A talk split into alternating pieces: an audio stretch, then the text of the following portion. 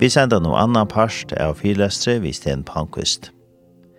Evne i hesefer er ta bøttene velje æra lei. Opptøkene er fra mars 2016.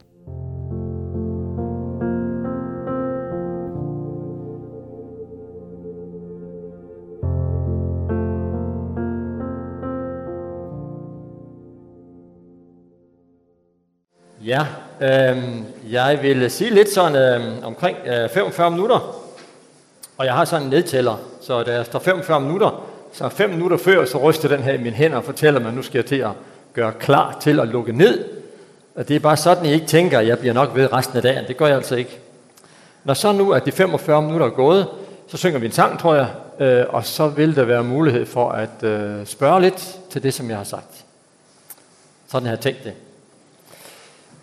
Ja, og vi har jo et emne, hvis jeg kan få den her op. Ja, når børnene går en anden vej, øhm, end den, som vi godt kunne tænke os. Og der har jeg lige brug for indledningsvis at sige, øh, det nærmeste, som, øh, som sandsynligvis sker, det er jo, at der er nogen af jer, som sidder her og får skyldfølelse, fordi at øh, I tænker, at I ikke har gjort det godt nok. Øhm, som jeg nævnte i aften, så er det noget af det, som som vi forældre har det lettest ved, det er øh, skyldfølelse. Når noget af det, som er livsvigtigt for os, det ikke lykkedes på det niveau, som vi gerne vil. Og der vil jeg gerne sige, at øh, jeg tror ikke, at vi skal arbejde med skyldfølelsen som ægtefæller, som par, som forældre. Jeg tror, at vi skal prøve at være opmærksom på, at vi gjorde det, vi kunne. Øh, så godt vi kunne. Vi ved godt, at det ikke var nok. Sådan set i vores perspektiv men vi gjorde, hvad vi kunne, øh, og må så ligesom, uden at dukke hovedet, konstatere, ja, der var lidt fejl og mangler hister her undervejs. Det er en ene ting, jeg har brug for at sige. Så pas godt på ikke at blive fanget ind af skyldfølelsen, fordi dine børn kan ikke bruge din skyldfølelse til noget som helst. Øh, den kan bruge erkendelsen til noget, men ikke skyldfølelsen. Det andet, jeg har brug for at sige, det er, vores børn er nødt til at vokse op i en familie, hvor der sker svigt, hvor vi er humørsyge en gang imellem, hvor vi ikke får gjort det, vi nu skal have gjort, hvor vi gør mere, end vi skulle have gjort, hvor vi skiller lidt for meget ud, hvor vi skiller lidt for lidt ud, hvor at, øh, det en gang imellem lidt utrygt, og, og, øh, og hvor der er lidt kaos, osv. osv. Det har vores børn krav på at vokse op i. Fordi det er sådan, verden ser ud, når de bliver voksne. Og hvis ikke at de har vokset op i den her mangelfulde familie med alle de her små fejl og mangler og skæve streger og histopist. Og derigennem øh, udvikle kompetence til at kunne håndtere dem, for det gør de nemlig, fordi det er i en kernefamilie, det generelt vokser op. Så kan de ikke begå sig i den verden her. Så Gud har altså valgt, at den her søllefalds konsekvens med alle de her dårlige unge ting, der sker, hvis ikke, hvis børnene skal kunne håndtere det som voksen, så er de nødt til at møde det i din familie og i min familie. Og det er ikke fordi jeg siger, nej, men så skidt med det, så går vi hjem og spænder ben for børnene. Det er kun for at sige, det er altså en del af deres påklædning, når de bliver voksne. For de møder en chef, som er helt urimelig. Og hvis de aldrig har mødt en mor eller en far, som er urimelig, hvordan skal de så forholde sig til den urimelige chef? De møder mennesker, som laver aftaler med dem, som de senere hen øh, bryder øh, af forskellige årsager. Og hvordan skal de kunne håndtere det, hvis ikke de selv har mødt det derhjemme? For det hjemme, der sker det i trygge rammer. Og derfor så bliver det ikke farligt for dem. Derfor udvikler de kompetencer til at klare det i det voksne liv. Jeg har faktisk mødt et par perfekte forældre. Det var danskere, ikke færinger. Men øh, det er jo ikke, ikke øh, det, jeg tænker, der noget, ligger noget i det.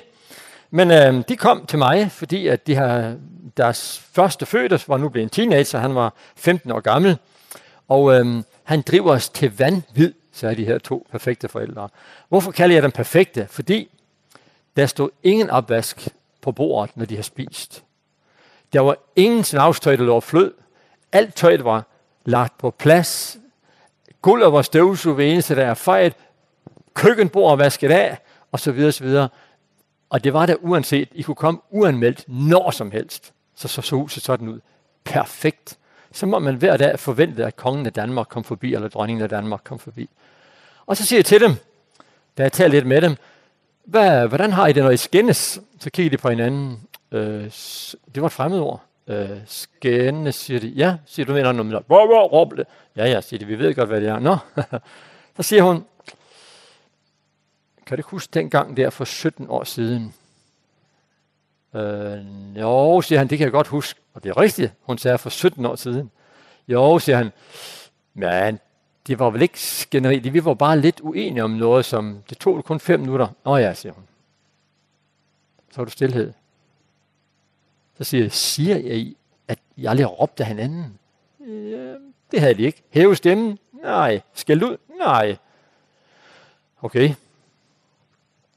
Så hvad var det, der skete med deres søn? det skete jo det med deres søn, at inden i ham, den er 15 års knægt, der kunne han mærke, at han havde den følelse, mm, det gider jeg ikke, hold så op, og så videre. Og hvis et barn skal være tryg ved at være den, der er, så må det kunne kigge på sin mor og sin far og sige, det kan jeg se hos min mor, det kan jeg se hos min far, okay, så er jeg fuldstændig normal. Men han kunne ikke se det her hos hverken sin far eller sin mor.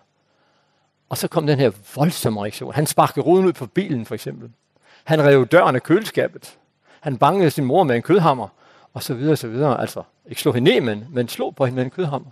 Den her flinke, artige dreng, som hele sit liv har været et mønstereksemplar. Nu kom alle de her reaktioner. For han kunne ikke spejle sig selv ind i sin far og sin mor. Så han kom til at føle sig som unormal.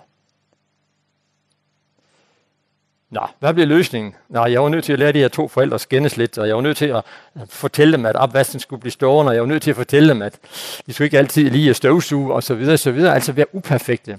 Hvad skete så med knægten? Ja, hans konflikt, det lå heroppe, og en måned senere, så var den væk. Fuldstændig. For nu har han genkendt sig selv i sin far og sin mor. Nå, det er kun for at sige, Formålet med det her er ikke at give dårlig samvittighed. Det er at hjælpe jer til at opdage, hvor er det tingene kan gå galt, hvor er det tingene måske er gået galt.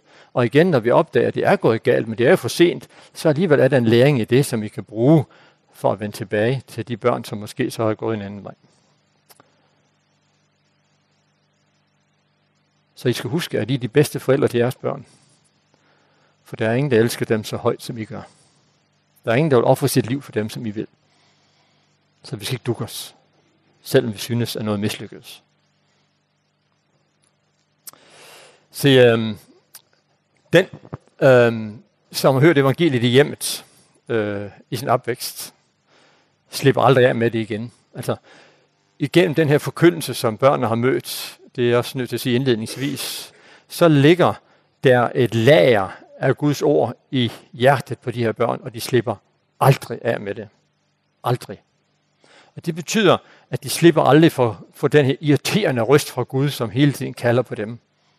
De kan godt prøve at overdøve dem med larm og støj osv., men de slipper aldrig af med den. Og derfor er der ufattelig mange, som senere hen i livet vender tilbage. De kan ikke lade være. De fik noget med sig, som de simpelthen kan de slippe på, selvom de har protesteret på det i 20 år. Jeg snakkede med vores præst, nej ikke vores præst, det var et andet sted, jeg boede, og kom lidt, og så sagde han, at jeg har en lille sjov oplevelse, siger han, at jeg har en, en 90-årig gammel dame til at komme her i, i kirken, jeg sagde, det har jeg lagt mærke til. Og så kom hun, sagde han, og så siger han, så siger han, så siger hun til mig, nu kom den sidste af børnene hjem. Og så siger jeg til hende, til hende, hvad mener du? Ja, siger hun, vi var fem børn, og vi gjorde alle sammen oprør imod Guds ord. Hele bundet, vi levede vores liv for fuld klem, og vi ville ikke have noget med Gud at gøre.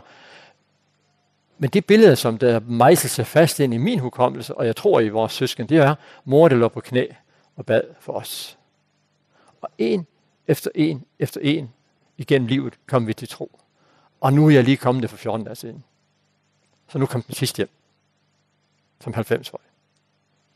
er var undervejs ingen, der kommer med bud, om de tøver det frem, der skal nå. Lad os prøve ligesom husk og holde fast. Ah, Gud er god til at skrive lige på vores skæve streger, det er ikke forgæves, at vi har postet Guds ord i dem. Ja, jeg har ligesom valgt at dele op ligesom i to afsnit. Det ene det hedder, hvorfor er det egentlig, at børnene de vælger, os, vælger evangeliet fra? Det, det, er så nogle, det er så nogle ting, som vi kan se generelt som årsag til det. Og igen, det har ikke til formål at skabe skyldfølelse, men kun at I opdager det, så ikke at I bliver i det, hvis det er det, I, I nu er. Og den anden afdeling, det er så, hvad er det så, vi gør øh, ved den smerte, som det er, når børnene så er gået væk øh, fra, fra den vej, som vi gerne vil have. Så det er ligesom, ligesom de to afsnit i, øh, i det her. Når bånd skæres over, så er det, stor, så er det større risiko for frafald. Det, i ferie, her på ferien er det ikke så almindeligt, som man flytter. Altså man flytter som regel længere væk end i kælderen, eller måske øh, lige på den anden side af gaden. Men, men alligevel, når man båndskæres over, det vil sige, når at, øh, vi flytter væk, når vi flytter ud, når vi skal være selvstændige, så sker der så nogle, nogle brud. Det gør det følelsesmæssigt, øh, fordi man skal ud og bo for sig selv, øh, øh, og, og lære at klare sig selv, øh, fordi børnene bliver voksne. Der er der en, der er der en, en, en fase. Og grunden til, den er sådan, det er jo fordi, så længe børnene bor hjemme, selvom de er 25 år gamle måske, Så hvis ikke de har prøvet at være ude og stå på egne ben, så, så fylder fars og mors tro i deres liv stadigvæk rigtig, rigtig meget. Og det så træder ud, så er det måske kun 10% tilbage af dem selv, af troens liv. Og så bliver de udfordret voldsomt meget på deres åndelige selvstændighed. Øhm, og det vil ske, uanset hvordan og det nu er. De skal ud og stå på egne ben, åndeligt. Øh, og det betyder, at nu skal jeg give slip fordi min far og mor, de repræsenterer. Øh, de kan godt holde fast et stykke tid, men, øh, men det er kun til en tid. Og der er der en, en, en vis gruppe, som ligesom øh, øh, slipper. Nu har vi levet i mors og fars trygge kasse. Nu skal vi ud og se den her verden, og hold da fast, hvad har den meget at tilbyde. Og nu mærker vi det på egen krop, fordi nu bor jeg for mig selv. Nu kan jeg gøre, som jeg vil. Der er ikke nogen, der kigger mig over skulderen og siger, nej, nej, nej, det må du ikke det der. Det der, det er usundt, og Gud siger nej til det, og så videre. Nej, nu er det kun mig. Og Gud, øh, ja, oh, så derfor. Det er så det ene sted, hvor at, øh, det, det, der sker. Det, er, det er, når, det, når bånd sker sig over. Det er følelsesmæssigt, det er praktisk, øh, fordi at øh, de rejser hjemmefra, måske det er på gymnasiet, de skal lære, øh, eller hvad det nu er, altså når bånd sker sig over de skal klare dem selv. Det er sådan et af de steder, hvor at der er en del af vores børn, som, som, øh, som vender ryggen til troens liv. Ja. Et andet sted, hvor der er et generelt frafald, det er, når der er en disharmoni. Og disharmonien, det kan være, at det er mellem overbevisende liv i praksis. Når at, øh, hvis der er en disharmoni imellem det, som vi siger, vi tror, og det, som vi lever, så har børnene svært ved at tilegne sig evangeliet. Så kommer de i en konflikt. Hvad er det så, det er sandheden? Er det det, far og mor siger? Eller er det det, de viser? Øhm, det er også et af de steder, hvor der så kommer et frafald, fordi at øh, det her med livet med Gud når ikke ligesom at blive integreret i dem. Nå, det er sådan, at troen må kaste lys over de dybeste ting i mit liv. Altså et barn er meget praktisk, og det bliver det ved med at være ret, ret lang tid op i livet. Man siger, at et barn skal være mindst 10 år, før det kan begynde at reflektere i forhold til det, som foregår på den anden side af bordet. Og det vil sige, der begynder det så småt med, med en refleksion. Ellers er det praktisk. Det betyder, hvis min far siger, at han tror på Gud, så kan det ses. Hvis min mor hun siger, at jeg elsker Jesus, så kan det ses. Men hvis det ikke kan ses, og det ikke kan høres, så kommer der en, en divergens. Altså, hvordan kan det nu være, at, at det her, det passer ikke rigtigt med det, som far og mor de siger. Så der er der øh, et, et, et, et generelt frafald, fordi de har brug for, at troen skal koble sig på noget håndgribeligt. Det hjælper heller ikke noget at sige til mit, til mit lille barnebarn på, på fem år, nej, hvor elsker jeg dig. Nå. Men hvis jeg går hen og samler ham op og giver ham en kys og en krammer og nuller ham lidt og så videre, så er det næsten lige meget, hvad jeg kalder ham. Så ved han, han er elsket. Det er sådan, det praktiske i det. Og det er sådan, at troen er mere en plejer. Altså troen er en relation. Det betyder faktisk også, at når et barn spejler troslivet i, sit eget liv, så spejler det relationen mellem mor og far. Øh, og når vi taler om, at Gud er kærlighed, at Gud elsker os, og Jesus er kærlighed, at Jesus elsker os. Men det måske kniver lidt at se imellem os som par, at det er sådan. Så kommer der også en, en, sådan en, øh, hvordan hænger det nu sammen? Hvordan hænger kærlighed sammen, når Gud elsker os, når nu at vi to ikke har det så godt med hinanden som forældre? Og så kommer der sådan en, en, en, en divergens. Ikke noget, som børnene taler om, det, det foregår bare herinde, som gør dem mere sårbare, øh, fordi at troen skal have fat i det praktiske. Øh. Så er det sådan, at, at der er generelt frafald, hvor kristen troen spiller en mindre rolle end noget andet. Altså det betyder, vi kommer i kirke og missionshus, foregår det noget andet, så, så nej, så vælger vi øh, troslivet fra på den ene eller den anden måde. Øh, fordi det er jo ikke, det er jo ikke så vigtigt øh, åbenbart. Det er det, det signal, vi sender. Øh, så hvis det er sådan, at, at, at kirke og missionshus, det er det sted, vi kommer, når vi ikke kan finde på andet, øh, men vi ellers stadigvæk kalder os kristne og, og øh, bekender os som kristne, så kommer der også en konflikt ind i barnet, fordi Det er praktisk orienteret. Det, som du siger, du er, det må du også gøre, og det må du også være. Ellers kommer uoverensstemmelsen ind i barnet. Så det her det er sådan de mest almindeligste årsager til frafald. Og øhm, de ting, jeg nævner her, er, er, er noget, jeg har hugget fra en undersøgelse, som, som norsk biskop har lavet, det hedder Sigmund Parbo, sådan en over en årrække. Og han siger, at de her ting er, er, er meget, meget klassiske. Det handler jo ikke om, at, at, at vi ikke kan få et skænderi med os to som par. Det kan vi sagtens, det er ikke noget, det er ikke noget farligt. Men, men hvis, det, hvis det er den her konflikt, der er kørende, der verserer imellem os måned efter måned, år efter år, så, så bliver barnet udfordret trosmæssigt. Øh, fordi hvordan hænger det sammen med at, med at elske?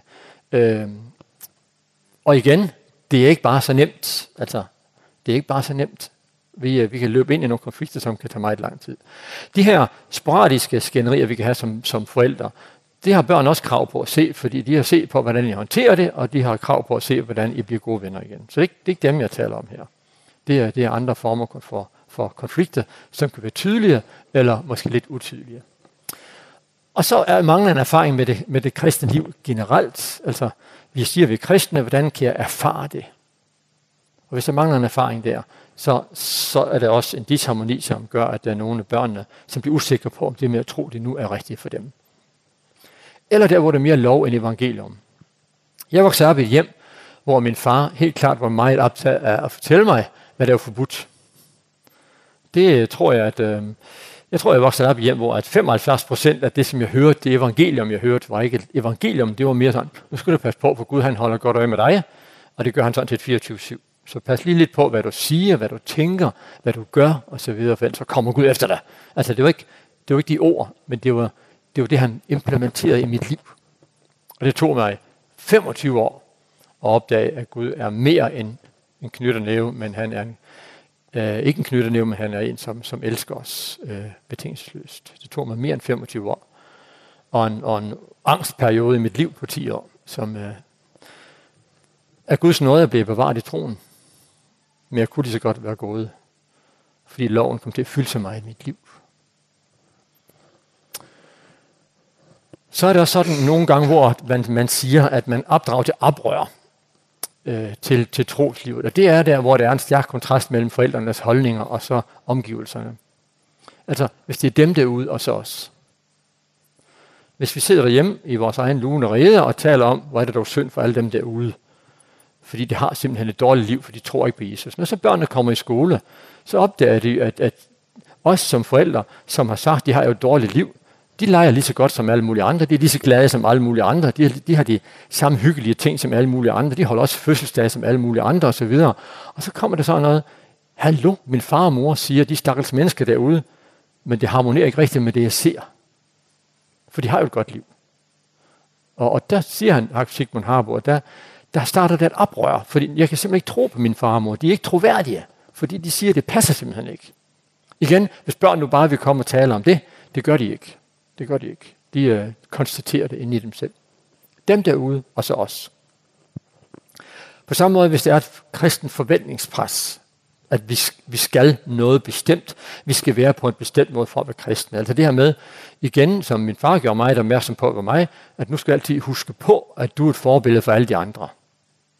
Du er et forbillede for alle de andre. Det vil sige, at være det menneske, som jeg nu er, var svært. Fordi jeg skulle hele tiden være det her forbillede jeg skulle passe ind i en bestemt rolle. Man talte meget om omvendelse. Jeg havde mange år, hvor jeg var usikker på, om jeg var en rigtig kristen, for jeg er aldrig blevet omvendt. Og det er jeg ikke, for jeg har altid levet med Gud hele mit liv. Men det var som om, at det duede ikke rigtigt. Nej, du skal sige, den dato på det klokkeblad, øh, der blev omvendt. Det kørte man meget i, da jeg var ung.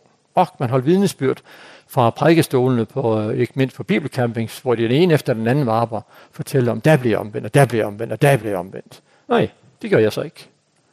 Øh, overhovedet ikke. Jeg ved ikke, hvad omvendt er på den måde.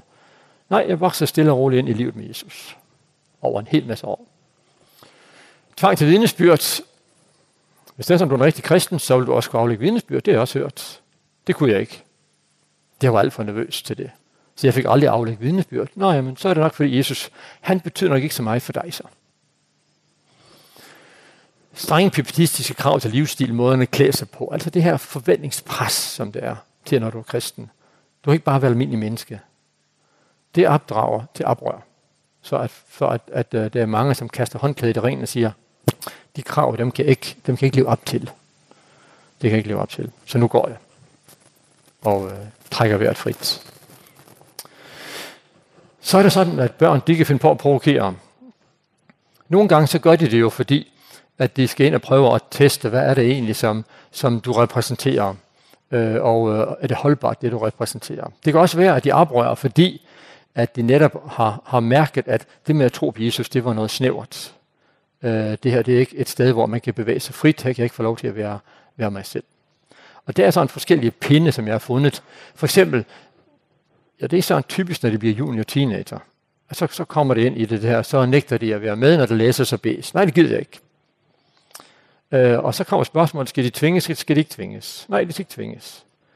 Øh, fordi så bliver de bare endnu mere øh, vrede over, at de skal være med. Det kan også være, at de vil ikke gå frivilligt med i en kristen klub et eller andet sted. Så kommer spørgsmålet igen, skal de tvinges, skal de ikke tvinges? Øh, så er det sådan, at de vil have lov til at gå til fester og drikke lidt. Måske meget. Hvad siger vi til det? hvis de er 16 år gamle. Hvordan forholder vi os til det? Men de gør det. Øh, og det er rigtig mange unge, som gør det i en periode i deres liv. Øh, og det er dybt problematisk. Øh, men de gør det alligevel, og vi skal forholde os til det. Så vil de gå til sport i stedet for i kristen klub. Håndbold, fodbold, whatever det nu kan være. Og på den måde vender, vender ryggen til det, som, som vi repræsenterer, som vi synes er så vigtigt. Når de bliver ældre, så flytter de sammen, inden de bliver gift. Øhm, Og øhm, i vores univers, så føler vi, at børn, de provokerer os.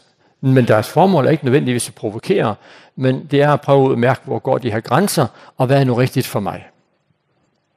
Øhm, og det vender vi lidt tilbage til, hvordan vi forholder os til de her ting, fordi der er rigtig mange af dem, som gør det undervejs, og det skaber de dybeste frustrationer hos os som forældre, og den dybeste frygt, fordi at øh, øh, nu, nu går det helt galt for dem springer ud som homofil. Min bedste ven, han er homoseksuel. Det er min svoger. Øhm, hvad gør vi ved det, hvis, hvis det sker, at der pludselig er en af vores børn, som melder ud? Det er så en helt historik for sig selv, men vi udfordres rigtig, rigtig meget. Og øh, vi udfordres til at blive stående i det rum, i det felt her, som er så konfliktfyldt, som det er. Sådan, at vi skal faktisk kunne rumme det hele, og så stadigvæk bevare den gode dialog med dem. Øh, fordi at, at det her, det er provokationer, og det betyder, øh, jo mere jeg sætter hælen i, det større en provokation får jeg. Det kan godt være, at jeg kan banke nogen på plads, så længe jeg sidder med min autoritet og min voksenhed, men det er kun et spørgsmål om tid. Øh, og så viser det sig, at jo flere gange jeg har banket dem på plads, det større afstand tager de. Og det betyder, at vejen tilbage til troens liv er væsentligt længere, øh, hvis jeg har brugt min, på den måde min, min, min autoritet så er det faktisk sådan, at vi forældre kan finde på at provokere. Men det ligger vi heller ikke altid mærke til. For eksempel, jeg har ikke tid til dig, det må du kunne forstå. Jesus elsker dig, men jeg har ikke tid til dig. Jeg tænker lidt, det ville være ikke så godt, hvis jeg kom til Jesus, og han siger, jamen jeg er da glad for dig, men jeg har ikke tid til at beskæftige mig med, mig med dig. Altså, nu kan I høre, jeg skaber en, en konflikt i barnet imellem det, som jeg siger og det, jeg viser. Det er, kan være, at jeg kun er nærværende, når der skal rettesættes eller noget skal sættes på plads. Det er sådan der, hvor at børn føler, at forældre de provokerer dem. Øh, at de synes, at jeg er ikke interessant, før enten at der skal sættes en grænse, øh, øh, eller også der skal skældes ud. Hvis jeg gør, som jeg får besked på, så, så bliver jeg ikke set, jeg bliver ikke hørt, jeg bliver ikke anerkendt. Det føles som en provokation. Det stemmer ikke overens med evangeliet. Og det er jo rigtigt, det gør det jo ikke. Men jeg har også været der, hvor jeg arbejder 60 timer om ugen. Stemmer det så? Nej, det stemmer ikke med evangeliet. Jeg har også været nødt til at gå tilbage til mine børn og bede dem om tilgivelse for min 60 timers arbejdsuge. For det var ikke okay. Men jeg troede, det var okay, da jeg gjorde det. Men det var det ikke. Det var forkert. Så er det også nogle gange det her med, at, at, at vi som forældre... Ja, min far han fortalte mig, at børn, de har ingen rettigheder. De har lov til at være i fars og mors nærhed, hvis de bevæger sig på fars og mors præmisser det er sådan det, jeg igen er vokset op i, så, så hvad, hvad jeg selv syntes som eneste, det, det var ikke så vigtigt. Og jeg vil gerne understrege, at jeg har ikke haft en dårlig far, jeg vil vælge at vokse op i samme hjem igen, hvis det var sådan. Men han var sådan, og mente det var det rigtige. Bestemt. Han blev da heldigvis klogere med alderen, men øh, det er sådan noget andet. Men, øh, men øh, du skal forstå mig ikke omvendt. Så du skal høre, hvad jeg siger, men hvad du siger, det er ikke så interessant. Så er det igen, så opdrager man til provokation. Og der er nogen, der sådan rent genetisk er skabt sådan, at de reagerer på det med en voldsom vrede og irritation. Skal du møde mig, så kan det kun være der, hvor jeg er. Så kan det kun være der, hvor jeg er. Søren Kierkegaard, han siger noget jo, at hvis det er sådan, at jeg skal møde et menneske, og gerne vil fortælle noget om noget menneske, det menneske noget vigtigt, og gerne vil flytte det fra punkt A til punkt B, så er, jeg, så er det vældig vigtigt, siger han, at jeg må møde det menneske der, hvor det er, og begynde der. Og altså finde mig i, at jeg ikke er så klog, som han er. For ellers så er jeg en indbildning, og så flytter det ingenting. Og det er rigtigt. Det er rigtigt. Men ofte så er det jo, at vi som forældre står og, råber og siger, nu skal, det er herovre, det er herovre, det sneer, det er herovre, sandheden den er, det er ikke derovre, det må du da kunne forstå og indse. Nej, for jeg er ikke kommet så langt i min udvikling som teenager, så jeg kan indse, at du har ret, jeg tror, du har uret.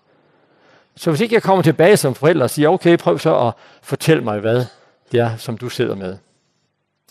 Så er det kontakt. Og når så er den teenager har mødt, min far han interesserer sig faktisk for mig, og mit liv, og min spil, og hvad vi er, så opstår der helt klart en naturlig lyst til også at høre, hvad min far han siger. Men hvis han bare står og fortæller mig det her over, det foregår, nej, så provokerer jeg. Det er disrespekt over for, for min søn, selvom det er ikke sådan, jeg tænker det. Fordi jeg tænker, det er rent faktisk lidt vigtigt, at han forstår, at det er mig, der sidder med sandheden, for han er jo ikke så klog som mig. Det er rigtigt. Det er han ikke.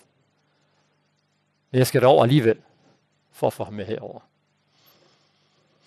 1. Timotius 5 8. Den, som ikke sørger for sin egen, og særligt for sin egen husstand, har fornægtet troen at være end en vantro. Det er sådan noget ej, irriterende, provokerende vers, som er kommet ind i Bibelen her, for det betyder jo, at at hvis jeg ikke er særlig opmærksom på min egen husstand og bruger tid og krudt på den, så, så er Guds ord lidt skrab ved mig.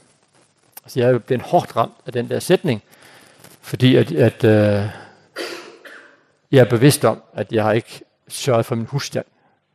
Altid. Jeg havde så travlt med andet, som jeg mente var vigtigt. Så anden afsnit, det er så, hvad så når børnene de altså har valgt fra? Hvad gør vi så? Ja. Punkt 1. Vi må aldrig smide barnet på porten. Aldrig. Vi må aldrig smide barnet på porten. For hvordan i alverden skal du få mulighed for at påvirke dit barn i den retning, som du gerne vil, hvis du har smidt det ud? Vi kan godt have lyst til det. Især kan vi have lyst til det, hvis det er sådan, der er mindre søskende. Fordi vi synes ikke, at de mindre søskende de skal se det, der foregår. Men det er jo kun den, som jeg har en dialog med, som jeg kan påvirke og præge. Og dialogen er ikke nødvendigvis det, som jeg taler, men det er tilstedeværelsen. Har du levet med Gud hele dit liv, og han har været en naturlig del af jeres familie derhjemme, så hver evig og eneste gang den her oprørske unge træder ind i det her, den, din familieliv, så begynder Jesus at tale til ham. Igen din adfærd, igen måden at være på, igen stemning, igen alting.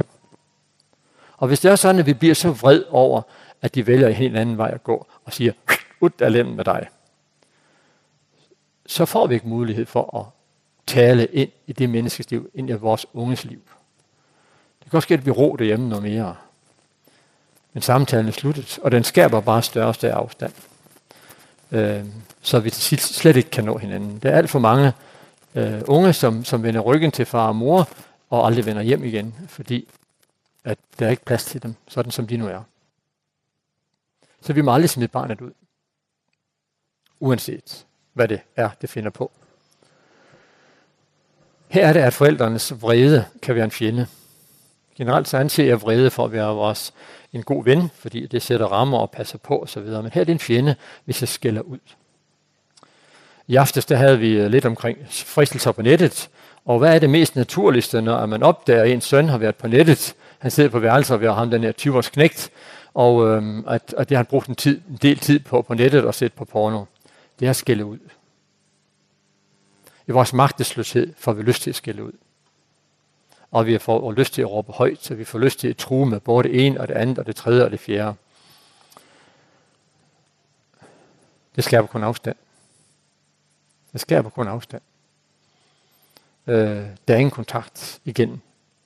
Hvis der er nogen, der kommer og kritiserer jer, så ville jeg også vide med jer selv, at uh, uanset at den kritik, som der i tale sættes, er rigtig, så går du i forsvar med det samme og forsøger at svinde nogle ud, finde forskellige udveje. Vi bryder os ikke om kritik, og det gør vores unge slet, slet ikke, som jo er på vej til at vælge livet.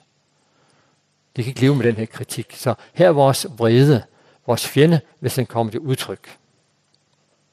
Så ved jeg godt, at, øh, at du er måske fyldt af vrede. Hvordan håndterer man så det? Det gør man ved at sætte sig sammen med sin ægtepar, som ægtepar, og så tale om, øh, hvor vred man er, hvor ødelæggende det her det er, og hvor træls det er, og så videre, så du kan blive tømt for al den her frustration, som du har inde i dig. For ellers så kommer den ud på et eller andet tidspunkt. Det er helt sikkert, at den gør. Og den kommer ikke ud konstruktivt. Men hvis jeg er sådan et to som par kan tale om det, øh, og øh, ikke kun om vreden, men også om sorgen og og øh, frygten og så videre og så videre, så bliver I tømt i mødet med med jeres ægtefælle, og så kan I væsentligt bedre håndtere det end øh, end hvis det bliver inde i jer selv. Betingelsesløs kærlighed, det er sådan en god overskrift. Det er også den Jesus møder os med. Jeg tænker, hvad forskel er det egentlig på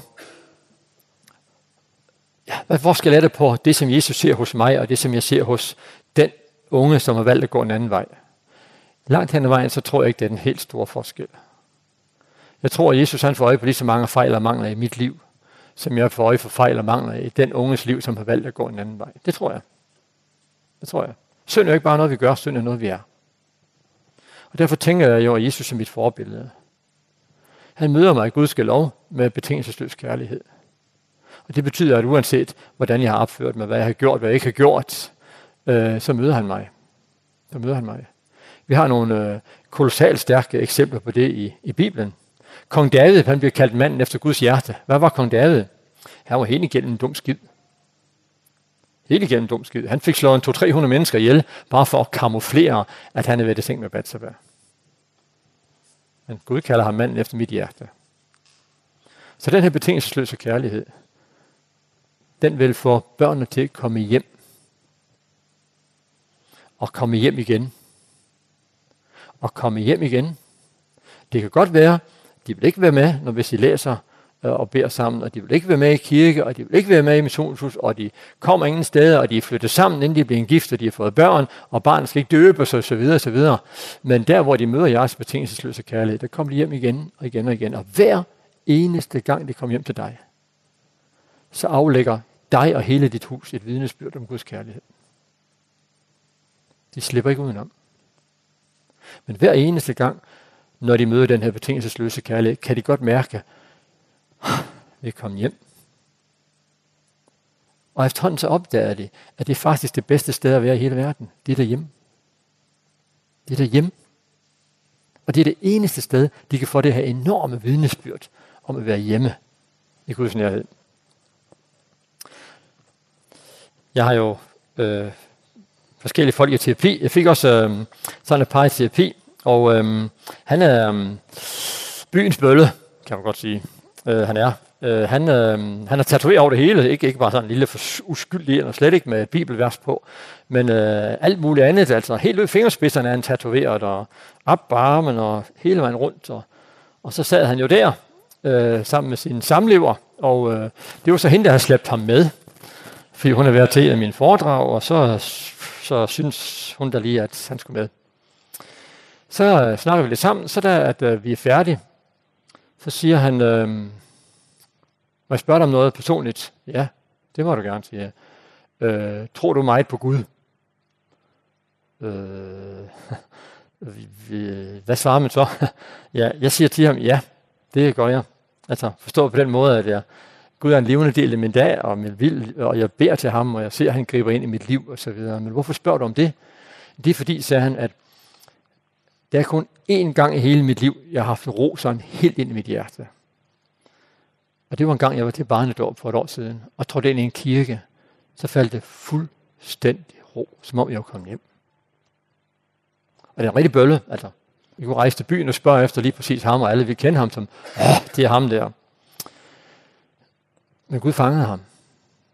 Han kommer stadigvæk. Øh, og sidst jeg var der, så siger han, øh, vi har nogle gode venner. Øh, de har fået en lille knægt, som hedder Arnold, og han er i kuvøse, og de siger, de ved ikke rigtigt, hvornår de får ud af kuvøsen. men, men øh, holdt han en pause. Kan du ikke bede for ham? Øh, jo, siger det vil jeg gerne. Så nu her, ja, siger han. Så bad jeg selvfølgelig for Arnold, det er du klart, om han må, Gud vil tage sig af ham og komme ud af kuvøsen og hvad ved jeg. Øh, og så, øh, så går de, og så går der så øh, tre minutter, så står de og banker, begge to på døren igen sammen med hånd. Kæmpe store i hovederne, og så siger de, vi har lige fået en sms, at Arnold han er kommet ud af kuvøsen. Og kigger han på mig. Så Gud han virker åbenbart, siger han. Mm, det gør han. Så jeg aflægger ikke vidnesbyrd, det gør jeg ikke, for det er ikke mit opgave. Det gør jeg aldrig. Kun når de spørger. Men jeg tror mig på, og jeg ved det, at når vi tror på Jesus, så er han til stede. Og så skal han nok sørge for at få afleveret sit vidnesbyrd. Og når de børn kommer hjem til dig igen og igen og møder betingelsesløs kærlighed, så afleverer I et vidnesbyrd. Og lige pludselig en dag, så er de hjemme for at komme hjem og blive hjem hos den herre, som de har forladt. For de kan ikke undvære det. Men er de smidt ud? Hvor skal de så gå hen og sige hjem? Måske de gå hen og få det vidnesbyrd. Så vi skal være tålmodige. Det kan være, at dit barn er 90 år gammel, før det kommer til tro, det ved jeg ikke. Så er det ikke helt sikkert, at du får lov til at opleve det. Ikke i hvert fald her på jorden. Pas på ikke at falde i grøfter.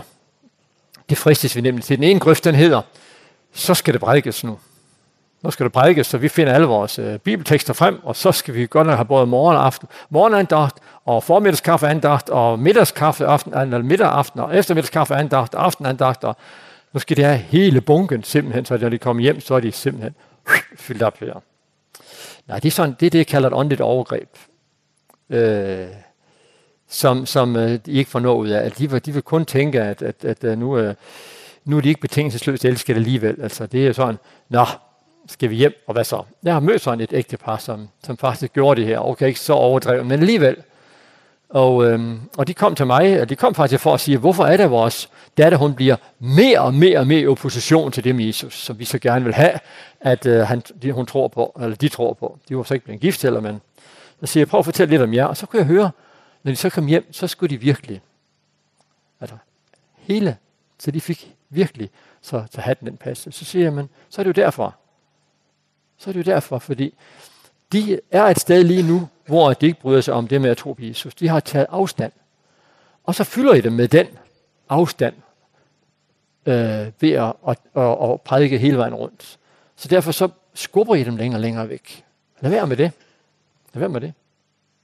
Den anden grøft at falde i, det er, okay, vores børn, de vil ikke rigtig tro på Jesus længere, så vi lukker hele vores andres liv ned, når de kommer hjem. Men hvad er det så for signal, vi sender?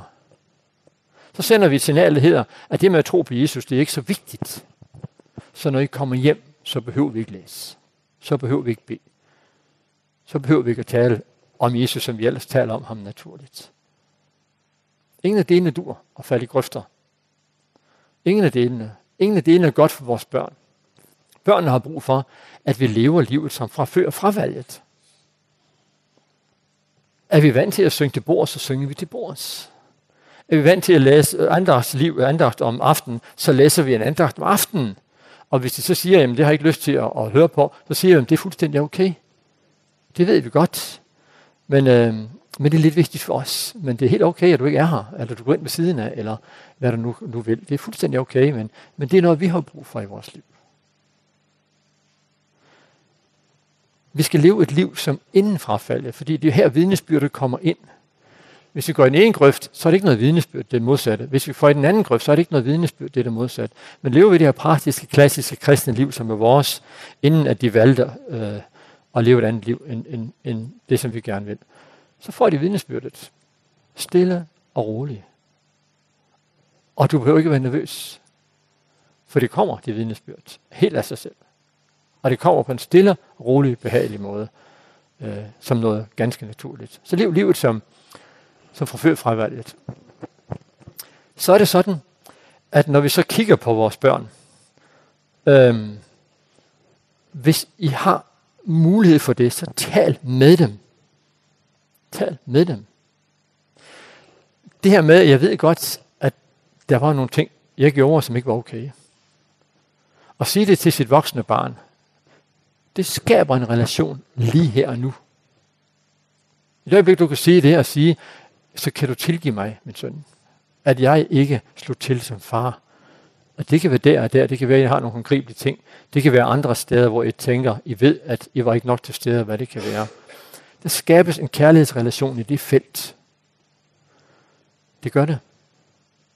Hvornår er det, vi er elsket mest? Det er, når at det er, jeg går hen til min kone og siger, undskyld Karin, kan du tilgive mig? Og hun siger, ja. Det er det sted, som jeg føler mig allermest elsket. Hun har valgt mig til, ikke fordi jeg har fortjent det, men fordi hun har valgt at ville elske mig. Og så bliver jeg helt høj, eller højere end jeg er, øh, af den her tilgivelse. Man får en perle, og når man kigger på perlen, så kan man se, at der står indgraveret betingelsesløst elsket. Når jeg går til min søn, eller min datter, og, og, og, og ikke søber i det, overhovedet ikke, men, men når jeg opdager for eksempel bivirkninger i dagligdagen, som I godt kan se, det er nogle spor, vi har sat. Så jeg siger I det bare, at jeg kan godt se, at, at øh, der sker noget her, og jeg tænker, det er nok mig, der er årsag til det, fordi at jeg var ikke god til at se det dengang. Tro mig, det skaber relationer. Det skaber en kærlighedsrelation, og det bliver en rigtig stærk kærlighedsrelation. Hold dig fast. Min far tør sige, at han svigtede mig. Så må min far virkelig elske mig meget. Og det er ikke sikkert, det handler om Jesus på nogen måde. Men det handler om en kærlighedsrelation, der er så stor, at jeg vil gerne indrømme, at jeg ikke var den far, som du havde brug for i de her de situationer. Og det må jeg bede dig om tilgivelse for. Den kærlighedsrelation, som beder handler om tilgivelse, den er jo i den grad en afglanse Kristi kærlighed til os. Derfor kommer vi alligevel til at lægge, afle, vi kommer alligevel til at lægge, aflægge vidnesbyrd om Guds kærlighed ind i vores liv, når vi gør det her. Og det skaber vej skaber vej, så børnene har lyst til at komme hjem igen. Så er det den her skyldfølelse. Jeg har lige nævnt den indledningsvis. Gå til Gud med den.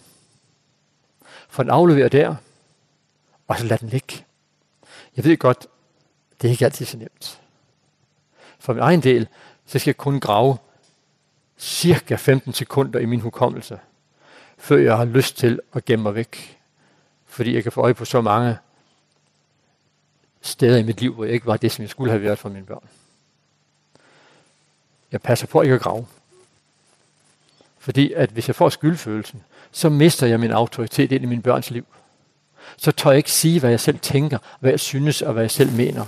Så mister jeg min frihed til at tage en dialog med dem omkring livet generelt. Den mister jeg simpelthen, fordi hvem er jeg så, og jeg kan sige noget som helst? Jeg har alligevel dummet mig så meget, så nu må jeg hellere holde min mund. Men det betyder også, at min kærlighedsrelation til dem, den bliver mere utydelig. For ja, det kræver altså en tydelig far og en mor at tur elske. Og det tør jeg simpelthen ikke, hvis det er sådan, jeg skyldfølelsen den fylder. Det eneste sted, hvor skyldfølelsen rigtig for alvor har sin funktion, det er mødet med Kristus. Der har han sin funktion. Der føler jeg mig enormt elsket, når jeg får at vide, at nu er du skyldfri af noget. Men i mødet med mine børn, der, der er den indre skyldfølelse en fjende. Det betyder ikke, at jeg ikke vedkender mig jo, at jeg har lavet fejl. Det gør jeg, for det er jo det, jeg lige sagde for lidt siden. Men det betyder, at når jeg har gjort det, så lader vi det ligge. Så har du været en gang hen og bedt dine børn om tilgivelse, og vedkendt dig din skyld, så er det det, og så, er det, så lader vi det ligge. På bedste bibelsk vis. Hvis jeg kommer til Jesus og siger, Jesus, nu er det galt igen, så vil, og jeg har bekendt det en gang, så vil han sige, hvad mener du med igen? For ham er det altid første gang. Altså, så når jeg har været der med min, med min, med min, med min ansvar for mine børn og bedt dem om tilgivelse, og jeg har fået at vide, at, at det kan du sagtens for, min far. Godt. Så lå jeg løfte mit hoved med frimodighed. Og så den skyldfølelse, som dukker op en gang imellem, og det gør den også i mit liv, Jeg må hen til Jesus med den hver gang og siger, her Jesus, her er møgbunken, kan du ikke tage den? Jo, siger han. Så løfter du dit hoved med frimodighed og vær du den far, som du er. Med de fejl og mangler, jeg stadigvæk har. Med de skæve streger, jeg stadigvæk slår også ind i min børns liv. Øh, men det skærper frimodighed det er både elske og have sin mening og være tydelig. Og det har børnene brug for. Det er stadig deres hjem. Og selvom de er 40 år gamle, stadig deres hjem. Det er stadig sådan, at de skal komme hjem og sætte sig ned. Og det gør de jo. Og øh, øh, vi har sådan en datter på ja, 35. Så når hun kom hjem, så sådan, sådan så falder tøjet sådan. Jeg tænker, hvordan ser det ud hjemme hos hende? Det er så sådan lidt pænt nok ud, fordi det, det fortæller bare, at hun træder ind i et rum, hvor at det, det er mor, der vant til at rydde op. Så her, ikke, øh, vi lader det så ligge jo, så hun skal til hjem efter og vi har boet hos os et par dage eller tre, så skal hun, det sagde hun til sidste gang, nej, siger hun, som det går op for mig, jeg smider jo mit tøj overalt, når jeg er hjemme. Så jeg kan næsten ikke finde det, når jeg skal til hjem. Nej, men det her går den vilde skattejagt for at få det hele med hjem igen. Så, så det er jo sådan, efterhånden, så falder det ikke så meget af. Men det er sådan, jeg er hjemme. Sådan skal det være.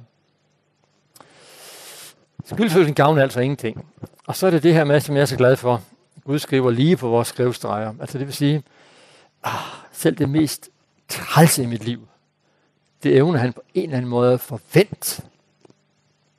Jeg har så utallige eksempler på dumhed i mit liv, hvor at Gud alligevel får det tvistet rundt, så pludselig er det blevet til noget godt og noget frugtbart alligevel. Og det er jeg så taknemmelig over, at det er det. Det er den Gud, som elsker mine børn lige så højt, som jeg elsker dem, eller endnu mere, og som arbejder dernat på at frelse dem og føre dem tilbage øh, til livet med ham. At, at det er det, som, det, er det, som er så altafgørende vigtigt. Til sidst, der er tre hervelov i dit barns liv. Den ene hervelov, den hedder den åndelige hervelov. Den ser sådan der ud. Når et barn ikke går hjemmefra, så er den lukket. Lad være med at forsøge at komme ind der. Fordi jo mere du forsøger at komme ind, des mere vil de sætte slå for døren, så der simpelthen ingen adgang er overhovedet. Øh, eller også er det de dobbelt herrelov op, eller hvad de kan finde på. Så, øh, så du skal ikke prædike, du skal ikke prædike, du skal være dig selv. Det er den ene herrelov, den er lukket. Så er den her sjældige herrelov, kalder jeg den følelsesmæssige herrelov, den står altid åben. Der er fri adgang ind til deres have, igennem den. Så når de kommer hjem og lever deres liv som er dig, totalt imod, de bor sammen, de har fået to børn, Ingen af dem er døbt. De kan finde på at feste en gang imellem og så videre, og hvad det nu ellers er. Øh, ja, så er det sådan, at når du går ind i den her lov, det vil sige, du spørger til dem, til deres trivsel, til deres fællesskab derhjemme, børnene, børnebørnene er det blevet til, og så videre, og så videre, og interesserer dig for alt den del af det, øh, som hedder det, jeg er. Så bliver du lukket ind i haven. Altså, lige ind midt i hjertet på dem bliver du lukket ind. For den står altid åben, den havelåge. Jeg ved godt, at, at hvis jeg nu ikke har været der for dem under hele deres opvækst, så står den ikke så meget på klem alligevel, men den er på klem. Og de elsker at begynde at fortælle om det, hvis det er sådan, at du spørger. Ikke nysgerrigt. På den måde, altså negativ nysgerrig, men fordi du synes, det er rigtig spændende at lære dem at kende og noget mere af deres liv at kende, og så deres valg og så videre og så videre. Spørg til dem, hvordan er det, og hvordan er det, og hvordan er det. Så er der en havelov mere. Det er den fysiske havelov, den læmelige havelov. Det er det, jeg kalder det, man gør. Og hvis I ikke kan finde ud af at gå ind i andre havelover, så kan I gå ind i den havelov, for den handler nemlig om deres job primært om deres job, eller, eller hvis de løber maratonløb, eller, eller hvad det nu kan være, de dyrker fodbold, eller alt det, man kan sige og gør til. Den her lov står også altid åben. Og i alle eh i begge tilfælde her, så bliver du lukket ind midt i deres have. Lad være at stå og hiv i den lov her, fordi du får ikke lov til at komme ind. Men gå ind i de andre to havelove, for de står altid åbne. Og så afleverer dine børn der hos Gud, og beder ham om at tage, tage sig af deres liv, og så træde ind i den her, midt i den her have. Så bliver du vist rundt. Så bliver du vist rundt. Så vil du opdage, at der er rigtig mange blomster, som du måske ikke har opdaget før.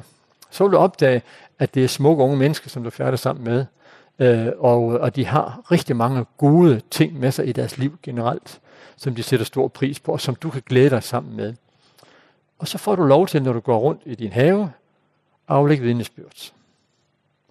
Ikke ved at tale om Gud, men ved at være en Guds barn.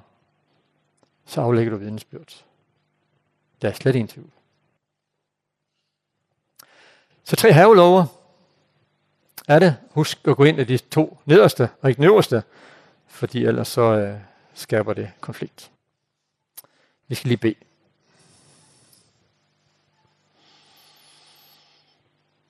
Kære Jesus, mere end nogen anden ønsker du, at vores børn må tro på dig.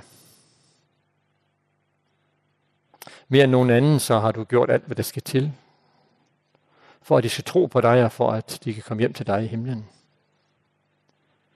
Mere end nogen anden arbejder du der nat på, og når de børn. Så her takker du på vores side. Hjælp os til at være vise, i mødet med vores børn, så vi stadigvæk er forældre på fuld tid. Med vores betingelsesløse kærlighed og vores nærhed. Og hjælp os til at finde ro og fred hos dig ved at aflevere dem der, og vide, at du hører alt, og du griber ind. Herre, hør min bøn. Amen. Vi synger sang. Ja, nu, nu er det ordet frit, og I skal bare spørge løs, så skal jeg gøre mit bedste for at svare. Brått fra spurningen. Vi vidkjente at foreldre ikke skulle køre vaksne badene ur høymenen. Hva skulle de så løyve i sin høyme. Det er sådan, at barnet træder ind i en familie, som de vokser op i. I den her familie er der jo nogle spilleregler, som, som altså lidt på samme måde, som jeg nævner, at, at øh, vi læser og beber, som vi nu gør. Og spillereglerne øh, har barnet ingen tilladelse til at lave om på. Øh, og det betyder, at hvis det barnet gør, øh, forhindrer, at vores spilleregler, altså vores værdier og sådan nogle ting, ikke kan leves ud, så, så kan vi komme i en situation, hvor vi er nødt til at sige til barnet, at, at vi har altså nogle værdier, som har så stor værdi for os. Så hvis du bliver boende hjemme, og det, er du, det, er du, det har du lov til, men så er du nødt til at vælge at gå ind under de værdier, øh, som, som vi har. Så det er ikke sådan, at vi skal lægge os fladt ned og så sige, at så er det barnet, den voksne, som, barnet, som bestemmer i, i vores familie. De er stadig gæst hjemme hos os, og det skal de sådan set være resten af, af livet. Så er der nogle grænseområder, for eksempel, Jan, hvad nu hvis det, hvis det bor i kælderen, og det så kommer fuld hjem hver eneste weekend? Og der tænker jeg jo, at hver enkelt sag skal tages op som, som, som forældre, så skal vi prøve at tale med hinanden om, øh, i hvor høj grad forstyrrer det her de værdier, vi har, Øh, og, øh, og hvis vi konstaterer, jamen, men øh, der er altså andre familiemedlemmer, som er yngre, som der skal tages hensyn til, så må vi gå ind til vores voksne barn og sige, at øh, det er simpelthen sådan, at, at øh, du skal tage stilling til, om du vil bo hernede i kælderen eller ej, og fordi der er nogle spilleregler. Øhm, så, så vi må, men vi må tage det op fra gang til gang. Øhm, så kan det for eksempel være et spørgsmål, det hedder, jamen hvad nu hvis, at de... Øh, øh, Hvad nu hvis, at de er lesbiske, for eksempel, og så flytter sammen og kommer på besøg hos os? Hvad så? Hvad gør vi så ved det? Og der er det jo så, at jeg siger, der er de vokset hjemmefra, de er flyttet hjemmefra, de har valgt sig et liv, de bor sammen. Øh, og så er de velkommen hjem øh, i den periode, de nu er der, den, den dag, de er der, eller, eller hvad det nu er. Øh, fordi at de er stadig barn i huset. Det ændrer ikke ved det faktum, at vi mener det, vi mener, og vi tænker det, vi tænker. Øh, og det forstyrrer ikke vores værdier som sådan, at de, de tager et andet valg. Øh, og derfor tænker jeg, at de skal have, de skal have lov til at være der. Øh, begge to, hvis det nu er to piger, som så er din kærester. Det, vil, som vil forstyrre min værdi, det er, hvis de går og kysser og krammer hinanden. Øh, og som jeg nævnte, min, min, en af mine bedste venner, han er, det er min svoger, og han er, han er bøsse og, og kommer i vores hjem øh, og har, øh, nu har han ingen kæreste nu, men, men det har han haft, og hvor jeg siger til ham, at, at, at øh, det er så nemmere jo, fordi det er en svor ikke min søn.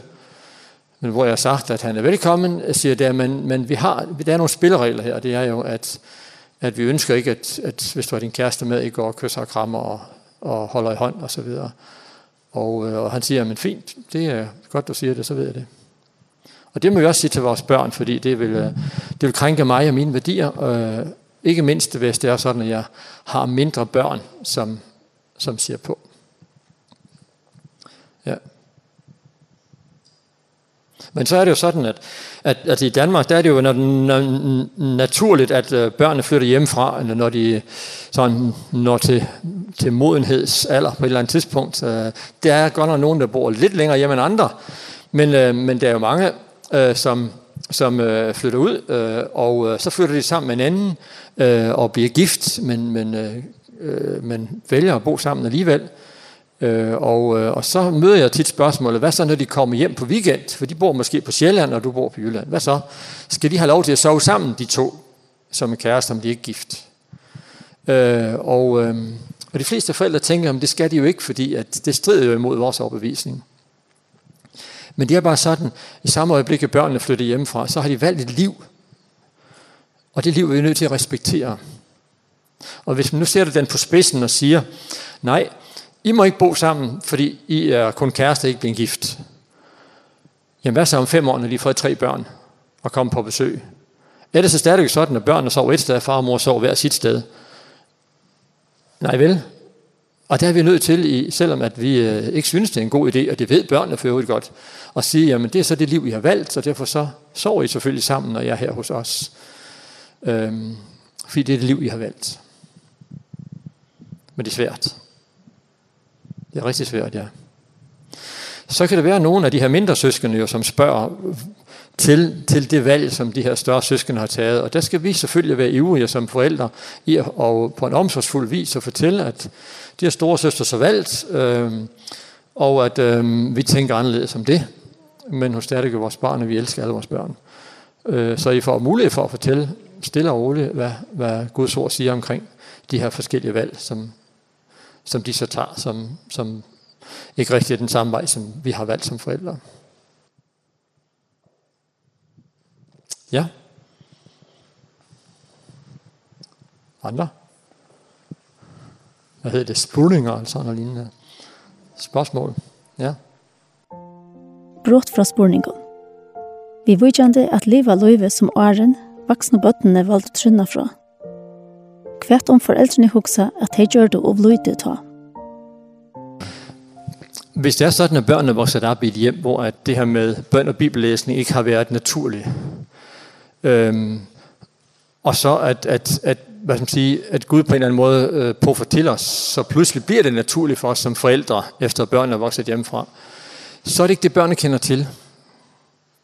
Øh, og så hvis de ikke er troende børn, så vil de opfatte det som, at øh, nu skal de simpelthen øh, nu skal de indhente det forsømte.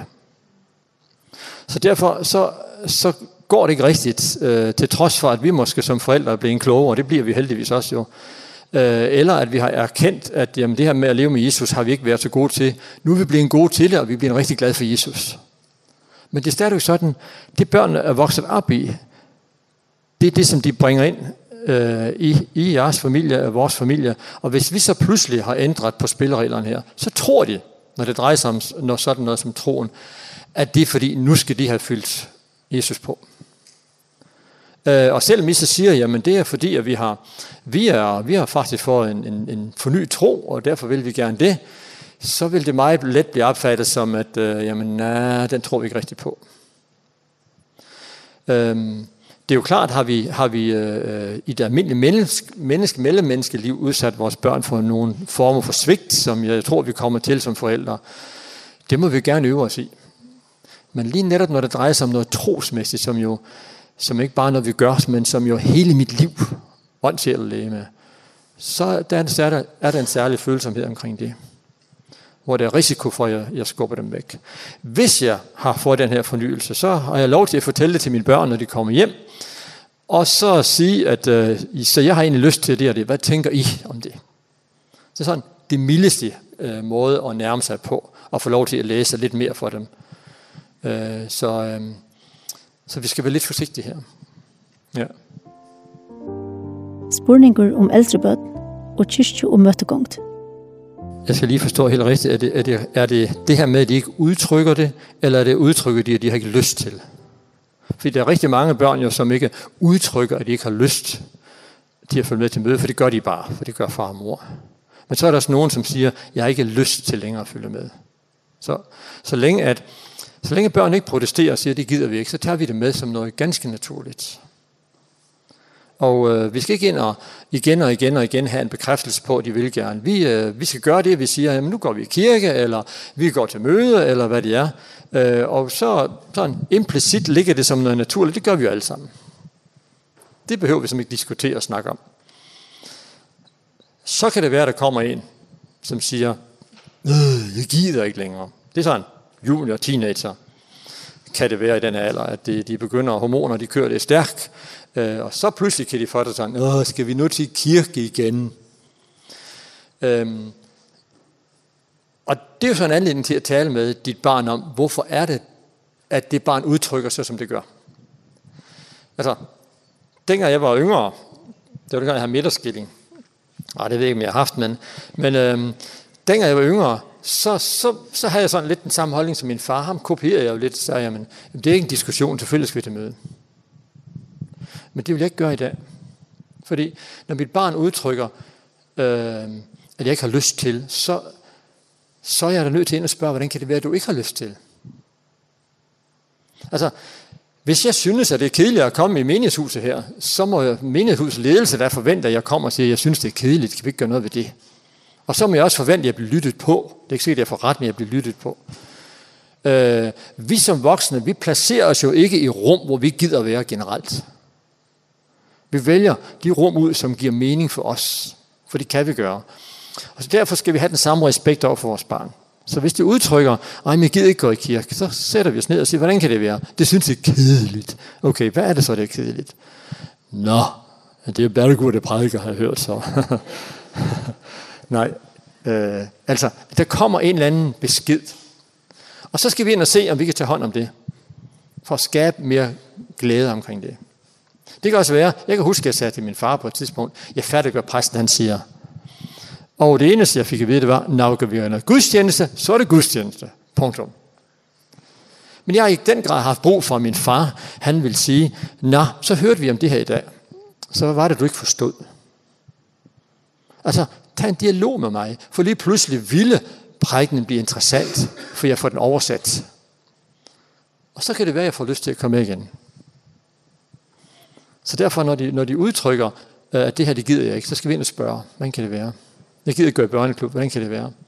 Jeg gider ikke komme til ungdomsmøder, hvordan kan det være? Fordi at de har brug for at blive respekteret, ligesom os. Og når vi spørger til et menneske, så føler det sig valgt til, og når det føler sig vel til, så skaber det glæde. Øh, og når du så ivrig efter at høre, hvad det bliver sagt, så vil barnet, den unge teenageren, derefter være ivrig efter at høre, hvad du så siger. Og så har vi den her gode dialog. Og så kan det godt være, at de alligevel siger, at, at de vil ikke. Øhm, og så tænker jeg jo, at når de første hormoner begynder at køre i kroppen, så, så nærmer vi os et felt, hvor, at, hvor at vi skal give dem lov til at slippe fri hvis ikke vi kan overtale dem på almindelig vis. Men lad være med at stille spørgsmål, om vi skal afsted eller ej. Selvfølgelig skal I det. Og så langt hen ad vejen, så følger børnene jo med, og så er det ingen tvang, det er bare noget, der, som ligesom lå sådan, som en selvfølge i luften, og det gør vi da. Og protesterer de, så lad os snakke og spørge, hvordan kan det være? Vi vil jo gerne som forældre skabe noget rigtig godt. Se, Guds tjeneste livet hjemme i Danmark, det har aldrig sådan tiltalt mig, det var knægt. Jeg synes, jeg kedede mig noget så grusomt. Øh, og så kom jeg og blev medlem af, af Kronlands Frimenighed, hvor at der var jeg nær sagt positivt forstået liv og glade dage, øh, og hvor der blev taget hånd om børnene og juniorerne og så videre og så videre. Og, øh, og så kan jeg huske, at det var, sådan, det var virkelig Guds tjeneste glæde, fordi de tog hånd om hele mennesket. Og så kan jeg huske en morgen, hvor jeg sagde, nej, jeg, jeg tror bare, at vi skal blive hjemme i dag. Nej, siger hun så Miriam, det gør vi i hvert fald ikke. Så ringer jeg til en, som kan komme og hente mig og hun var junior. Så blev jeg rigtig glad, fordi så er det jo lykkes at skabe et, et rum til en junior, som synes, at det er spændende at gå i kirke. Det må vi udfordre sig. Giver det mening? Okay. Spurningur vi var kjente i heimabikvande bøtnen, og til at sove sammen. Jeg tænker stadigvæk, at, at man skal se ved enkelt øh, situation individuelt og prøve at forholde sig til den, for jeg tænker, der er lidt forskel på, om de er 17 år gamle, de er 27 år gamle. Øh, altså, så derfor skal vi sådan prøve at være opmærksom på, hvor, hvor gamle er de, og, og hvor selvstændige er de, og hvor... Øh, det, det er sådan en del af det, som jeg tænker spiller med. Og så er det jo sådan, at at øh, hvis, de, hvis de sover sammen, selvom de godt ved, det bryder vi os ikke så meget om, så vil jeg vælge at tage en, en snak øh, med den begge to. Ikke kun den ene, med den begge to. At det både kæresten og min, min datter, hvis det nu var det. Stille og roligt øh, om det, som de gør, øh, og vores holdninger til det. Øh, ikke skælde ud, ikke brokke mig, ikke noget som helst, men fortælle, hvorfor det er svært for os, og anerkende, at de gør det. Øh, og... Øh, forhåbentlig får en god dialog den vej. Det får vi som regel, når vi spørger til det. Og på den måde får vi så tydeliggjort en gang mere, hvad vi tænker. Generelt så tror jeg ikke, at der er nogen af vores børn, som er overhovedet nogen som helst sted i tvivl om, hvad vi mener. Så, så vi behøver ikke gentage det og gentage det og gentage det, fordi de ved det godt. Øhm. Men jeg vil, når de får en kæreste og sover sammen, vil jeg igen, hvis det foregik i mit hus, tage en snak og sige øh, med dem begge to. Ja. Og så kan jeg godt ske at havne et sted, hvor, at, øh, hvor de siger, det har vi så hørt, men, øh, men vi synes ikke, det er noget galt i det, så det gør vi alligevel. Og så er det jo igen, jeg siger, hvor gamle er de. Og hvis de første er personligt myndige, så, skal jeg, så er jeg et sted, hvor jeg sådan, hvad skal man sige, rent juridisk i hvert fald ikke har nogen indflydelse på, hvad de gør. Og øh, så skal jeg tage stilling til, om jeg så vil anerkende, at de sover sammen i mit hjem. Så to 18 års børn, han er sagt, unge, eller jeg ikke vil. Øhm, og så er vi igen i det her dilemma, hvis jeg siger, det vil jeg ikke, så siger de fint, øh, så sover vi bare hjemme ved min kærestes forældre i stedet for, for det må vi godt. Og det er igen det her med, at, at vi er sat meget uden for evnen til at kunne gøre andet end holde dialogen i gang, når først de er personligt myndige. Og, øh, og så længe, at vi kan holde dem hjemme, øh, og de kommer hjem hos os, så er det, som jeg siger, så aflægger vi et vidnesbyrd hver evig og eneste gang. Det er helt sikkert, at hvis, hvis, at, øh, hvis det var min datter, og hun sov ved en fyr, og det må de gerne derhjemme, så ville det være fint. Så foregår det hjemme med mig, så vil hun gå i seng og, og vide, at det her det er, ikke, det er ikke helt okay. Uden jeg siger et ord. Fordi hun er vokset op i det.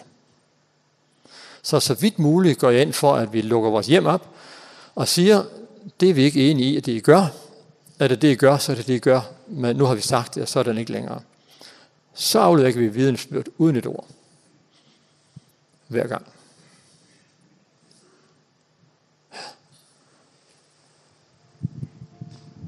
Ja. Andre spørgsmål? Brått fra spurningen. Kan du sige Moira om de tre porsene? Det er sådan, at uh, man har lavet lidt undersøgelse i Danmark, når mennesker kommer til tro. Hvad er det for et forløb? Og 90 procent af alle, de har først mødt en relation, inden de kom til tro. Altså, de har mødt et menneske i øjenhøjde, som var nysgerrig på det menneske, og ikke andet. Altså, ikke så det som et missionsobjekt, men blev en god ven med dem igennem nabo, som, øh, som det kunne være, eller, eller man er med en klub, eller hvad det nu kan være. Øh, og så når det går et stykke tid, øh, så, så, så kommer nysgerrigheden som regel, fordi de kan se, at vi vælger et andet liv. Og øh, det betyder faktisk, at i Danmark, der er 90 procent af de mennesker, der kommer til tro, de har først mødt sådan en kristen menneske, som har gået ind i de to havlov, der står åben. For når jeg kommer ind i de to hervelov, der står åbent, så spreder jeg den her liv. Nej, det gør jeg ikke, men Kristus spreder den her livlige duft. Og så sker der på et eller andet tidspunkt, at den mand der, eller kvinde der, får lov til at lukke, lukke, lukke loven op indefra. Den skal nemlig åbnes indefra. Og så får jeg fri adgang. Den vej rundt. Ja. Så bliver det nysgerrig på det hele. Jeg var på soldat hjem for mange år siden, og der kom der en soldat til en af mine bibeltimer, og så siger han, da vi skulle til at drøfte, så siger han, jeg sidder her kun, siger han, for at fortælle, at jeg har prøvet alt. Det er en buddhisme og hinduisme og så videre, så videre, så videre. Og det er løgn, det hele. Fint, siger jeg. Tak fordi du var ærlig. Øh, og så snakker vi videre om det, som står her i teksten. Øhm, han fik lov til at være der, og jeg fik lov til at gå ind i hans havelover, fordi han havde lidt med familie og sådan, ikke? og så videre. Og så begyndte han simpelthen at komme mere og mere og mere og mere. Og, mere. og halv år senere snød Gud ham, så han kom til tro. Øhm, Men det begynder med at få lov til at komme ind i de andre havelover. For den skal lukkes op, den sidste, indefra. Men det sker. Det sker. Og det sker også med vores børn. Når de kommer hjem, øh, og I spørger til dem og deres trivsel og så videre, så aflægger jo en kærlighedsvidnesbyrd. Og det at elske og blive elsket, det er hele verden funderet på. Gud har skabt hele verden på det at elske og blive elsket. Så når jeg går ind i de to andre havelov og spørger til det, så praktiserer jeg det, som er grundlag for hele vores eksistens, hele jordens eksistens, nemlig at elske og blive elsket. Og så er det meget sandsynligt, at den havelov den bliver lukket op. Ja.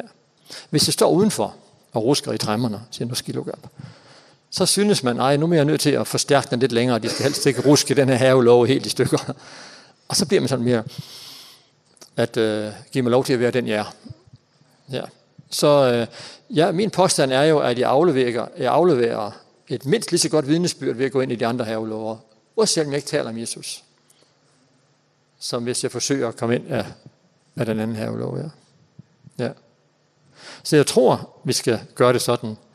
Øh, og, øh, og jeg har i hvert fald mødt familier, som har forsøgt at komme ind af den anden havelov og se, hvordan at det bliver mere og mere kompliceret og mere og mere hårdt at være hjemme på besøg, og øh, om større og større afstand og flere konflikter, og, øh, fordi man forsøger at komme ind der. Ja. Ja. Ja, den er lukket. Den skal lukkes op indenfra. Ja. Brot fra spurningen. Kvært kunne vi som foreldre gjøre, ta til unge og være avvirke av nøy ateismo, vi vurgjende hoksan og trygg. Når vi møder mennesker, som, som jo øh, er der, hvor de er. Og, og det, er jo, det er jo et af de steder, vi udfordres. Men, men jeg synes jo lige så meget, i hvert fald i Danmark, vi udfordres ved, at, at, at, at man, man siger, jeg tror på Jesus, men han skal ikke blande sig i mit liv. At den, øh, livet har, altså for eksempel så har jeg haft øh, kontakt til 15 unge par inden for et år, som valgte at blive skilt inden for de første tre år af deres ægteskab. Og, det, og de kommer fra solide kristne hjem. Og når jeg spørger, hvad sker der der, så siger de, nej, men øh, vi tror, vi bliver gift med den forkerte. Altså man har sådan en tilgang til det, der hedder, mere det hedder, hvad får jeg ud af det, end hvad kan jeg give? Og det betyder, at jeg tror på Jesus, og det siger de stadigvæk, men han skal bare ikke blande sig i mit liv. Altså, øh, den udfordres utrolig meget der i Danmark også. Og, og den side har jeg ikke mødt så meget endnu, men under alle omstændigheder, så er det jo sådan, at hvis vi går hen og taler med det menneske om dets overbevisning og nysgerrig, så begynder det at fortælle om sin overbevisning. Når det gør det, så kan vi stille de her spørgsmål, som nødvendigvis ikke er så nemt for dem at svare på. Så i stedet for, at vi skal prøve at overbevise dem om, de tager fejl, så skal vi bore os så dybt ned i det liv, som de har, som er deres, som de lever i, som overhovedet muligt. Og så stille de her spørgsmål. Øh, og der er det jo sådan, at alt muligt andet, som ikke har noget med Gud at gøre, det har nogle kæmpe store sort huller hist og pist. Det eneste, der rent praktisk også giver mening, det er at tro på Jesus og leve det liv, som han anviser. Alt muligt andet har forskellige former for huller. Øhm, øh, så derfor, når man, men når man borer sig ned i det menneskes øh, liv og valg, det, så Gud har skabt os sådan, at det giver mig nogle positive følelser, hvis der er nogen, der interesserer sig for mig. Så lukker man op, og så snakker man og spørger, og holder snakker og snakker, og fortæller og fortæller, og så spørger du, hvad så med det der? Jamen, hvad tænker du så om det der? Jamen, nu bliver jeg lidt forvirret, fordi du siger det der, men du gør det der, og sådan, sådan. Og så pludselig har det menneske selv i tale sat, at det er faktisk noget skrammel, det som jeg egentlig har fat i. Det virker. Det kan du tro, det virker. Ja. Så, så det her med at, at hjælpe dem til at formulere ud af deres egen mund ind i deres eget øre, at de er på vildspor, det forandrer rigtig meget. Du kan overbevise alt det, du vil. Det mere du overbeviser, det mere kan du se det. Du skal ikke komme her og overbevise mig om andet end det, jeg tror på. Altså, så lukker de ned, men spørger man ind til det menneske, så lukker de op. Det er de andre to havelover, en følelsemæssig og en kropslig havelover. Og så er der fri adgang, også ind i sådan en artisme som den der. Ja, klart nok. Mm. Så den vej, og det virker. Den virker. Vi skal ikke overbevise, men vi skal spørge. Jeg, jeg synes, alt for mange unge, øh, ikke kristne, lever et hovedløst liv, øh, men ikke, ikke at man beskæftiger sig ikke med nogle ideologier. Altså, ideologien hedder mig. Ja, hvad har jeg lyst til? Og, og det gør jeg. Øh, og, og det er skrækkeligt. Jeg, jeg, jeg får helt ondt øh, nogle gange, og må tale meget med Gud om det, fordi de unge mennesker, de er... Ja, for eksempel porno. I dag der er det jo det har de snedet ind i bagdøren jo igen, Paradise Hotel og Sex and City og jeg ved ikke hvad. Så porno i dag i Danmark, det er, det er, det er underholdning. Øh, min søn, da engang han gik i 6. klasse, tror jeg, fik han, han besøg af sex, hvad hedder det, seksologisk klinik, Og der har han fået at vide, at det var da naturligt, at drenge i hans alder, de var på nettet og se porno to timer om ugen cirka. Ja, ekstremt destruktiv. Porno er den simpelthen satans værk, rent udsagt, og ødelægger mennesker indenfra. Jeg møder dem. Jeg skal hilse dig til, at jeg møder dem nogle år senere. Øh, og vi har 80.000 i Danmark, som er registreret som pornoafhængige. 80.000. Ja, at Der er sikkert flere nu. Det er så dem, der registrerer. Og det er kun dem, der registrerer. Det er kun dem, som har solgt huset hjem og det hele. Og mistet alt. Øh, og virkelig er på, ligesom alkoholiker. Det er de eneste, der bliver registreret. Så det er nok cirka 10 procent. Ja. Ja. Så øh, vi udfordres meget, men lad os prøve ikke at gå i den grøft, nu skal jeg overbevise dig. Det har ingen effekt. Nej. Men det har en effekt at spørge nysgerrig Jeg blive ved med at spørge. Øh, fordi om ikke andet, så har man spurgt tom, så begynder de også at være nysgerrige på, hvem vi er. Og så får vi lov til at aflægge det vidnesbyrd. Ja. Vi skal spørge mere til vores medmennesker. Altså, det er så en helt anden historik, men, men, øh, men, men og jeg synes jo, at vi i vores øh, kirke- og missionshus skulle meget mere tid på relationen. Altså, det synes jeg. Vi, vi har noget, vi kalder fællesskab der luner, som er en gang om måneden, hvor at det eneste, vi, vi har måltidsfællesskaber, skab, måltidsfællesskaber. Og nogle gange så suspenderer vi halvdelen af møden, og den anden halvdel, den snakker vi så, øh, altså der er forkyndt alligevel, men sådan, fordi at, at det er jo, relation spiller en kæmpe rolle. Hvis jeg kommer ind i en kirke eller missionshus, og føler mig set og hørt og anerkendt, så har jeg det godt. Så kan jeg meget bedre høre, hvad han siger heroppe, eller hun siger. Hvis jeg kommer ind, og ingen siger mig, ingen hører mig, og ingen spørger til mig, så er jeg ked af det. Og er ikke sikker på, at jeg har værdi. Og så er det det, som kommer til at fylde, og så kan jeg høre, hvad prædikanten han siger. Så for mig at se, så har vi i den grad misset netop den her relationelle side. Og når jeg kigger på Jesus og han vandring på jorden, så tror jeg faktisk, at han brugte mere end halvdelen af tiden på at være relationel og diakonal. Vi elsker relationen, men det er ikke så underligt, fordi Gud har jo skabt os som et relationelt menneske og siger folk til ham. Ja. Ja. Brått fra spurningen. Kvært kunne vi gjøre om okkara foreldre hoksa at vi har fravalgt torra virer. Det er sådan lidt, lidt det samme igen, det her med, at, at, at vi, vi kan træde tæt på vores forældre. Øhm, og tale med dem om det, som vi synes, vi hører, de siger. Og, og, og så tale med dem om det, som vi synes, de hører, de siger. Og, og det kan godt være, at for eksempel der er forældre, som, som har en følelse, at, at uh, vi ikke har tid til dem længere, eller, eller det, de står for, det, det har vi kastet vrag på, eller hvad det kan være, at det er den vej op. Og der tænker jeg lidt det samme igen. Jeg går meget ind for, at vi prøver at skabe, eller genskabe, den gode relation. Så hvis der er noget den vej også, så, så er det lidt det samme igen, det her med, at, at jeg prøver at lytte til, hvad der bliver sagt. Og så prøver jeg jo at udtrykke der, hvor jeg er, i forhold til det, som der bliver sagt. Og så kan det jo godt være, at der er nogle forældre, som jo ikke forstår, og ikke kan forstå. Og det er en smerte, som, som vi ikke nødvendigvis skal gøre noget ved.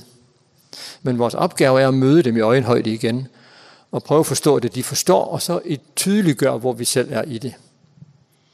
Øh, og, og det er ikke altid, at, at de forstår os. Giver det mening? Ja. Altså, vi er sådan en, en, lidt noget andet, men alligevel min... Jeg voksede op jo i, i folkekirkelig regi, og, og har altid haft min gang der. Øh, og, men men af forskellige årsager, så valgte vi så en valgmenighed, der, hvor vi boede. Øh, og det blev aldrig forstået, og det blev kaldt at svigte sin menighedsforsamling, og svigte sin kirke. Og det prøver vi at tale med, med Det var så ja, om, om, omkring det her med, hvorfor vi tog det her valg. Men selvom vi talte om det her valg, så, så fik vi alligevel det samme, at, at vi, de synes stadig, at vi svigtede vores kirke.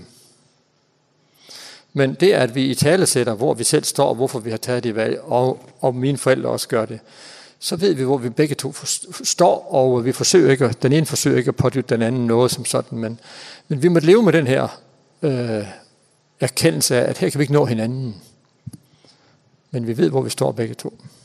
Og derfor kan kærligheden til hinanden godt leve videre alligevel. Ja. Okay? Godt. Så siger jeg tak for nu.